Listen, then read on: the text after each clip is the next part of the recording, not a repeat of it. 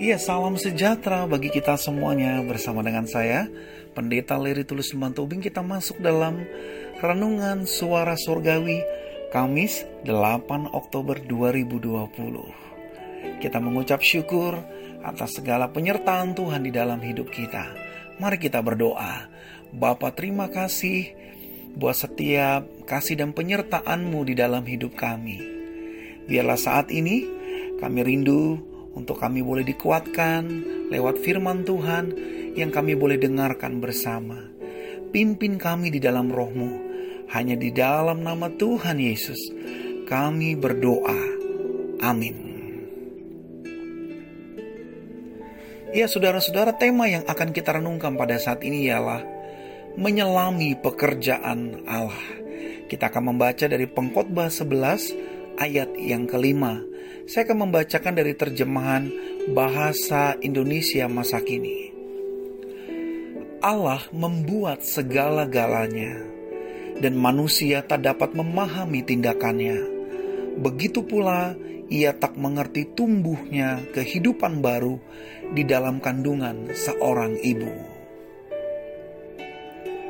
Saudara, ada ungkapan yang sering kita dengar: "Dalamnya laut dapat diukur, dalamnya hati siapa yang tahu.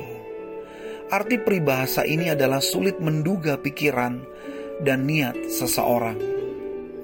Saudara, ungkapan ini dapat menunjukkan seberapa terbatasnya kita untuk memahami isi hati seseorang, apalagi isi hati Tuhan, termasuk apa yang dilakukan Allah di dalam kehidupan tak selamanya kita dapat menyelami segala pekerjaannya di hidup ini dan menjadi misteri ilahi atas kebesaran dan kuasanya.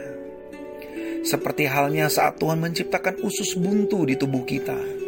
Kita berpikir untuk apa sih? Bukankah sesuatu yang buntu tak ada gunanya? Padahal menurut penelitian medis, usus buntu memiliki sel limfoid yang membantu tubuh kita melawan infeksi. Penelitian ini juga menunjukkan bahwa fungsi usus buntu cukup diperhitungkan dalam sistem kekebalan tubuh kita. Di mana usus buntu bisa menjadi pertahanan awal dalam membantu proses melawan bakteri dan zat penyebab penyakit lainnya, terutama berhubungan dengan saluran pencernaan kita. Saudara, di sinilah kita diminta oleh Allah untuk percaya Iman berangkat dari segala sesuatu yang tidak kita ketahui, namun kita yakini bahwa apa yang dikerjakan Allah itu sungguh baik adanya. Persoalannya, tak selamanya manusia bisa menerima begitu saja. Manusia memiliki rasa ingin tahu yang besar, sehingga sangat dimungkinkan apabila menemukan sesuatu yang tak terjawabkan, maka manusia akan terus berusaha mencari kunci jawabannya sampai mendapatkannya. Itulah mengapa manusia menjadi makhluk yang berakal budi, diberikan hati nurani dan akal pikiran untuk menemukan ilmu dan pengetahuan dalam membantu menghadapi persoalan-persoalan di dalam kehidupan. Kiranya apa yang menjadi pergumulan pengkhotbah tentang hidup ini menjadi penghayatan bagi kita bahwa Allah sanggup melakukan segala sesuatu namun kita harus tahu, tak selamanya kita dapat memahami semua yang ia lakukan di hidup ini. Mempercaya itu dibutuhkan agar lewat itu kita dapat berhikmat dan menerima berkat dari pekerjaan Allah itu. Tuhan menolong kita dalam menyelami akan maksud dan kehendaknya. Amin. Kita berdoa. Bapa, kami menyadari bahwa ketika Tuhan menciptakan kami, ada begitu banyak hal yang Tuhan sudah buat yang juga kami tidak pahami. Tapi biarlah di dalam rahasia ilahi yang Tuhan tunjukkan, kiranya kami boleh tenang dan kami boleh diberikan hikmat oleh Tuhan untuk kami bisa menyelami segala pekerjaan yang Tuhan tunjukkan di dalam hidup kami. Ketika kami mendapatkan persoalan dan masalah, Kiranya kami juga boleh tetap tenang menghadapi semuanya.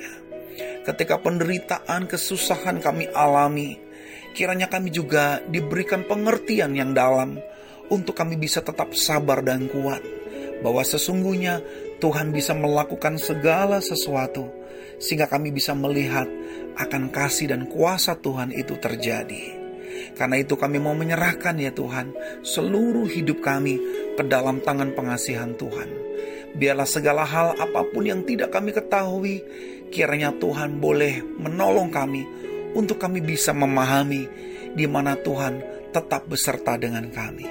Terima kasih Tuhan.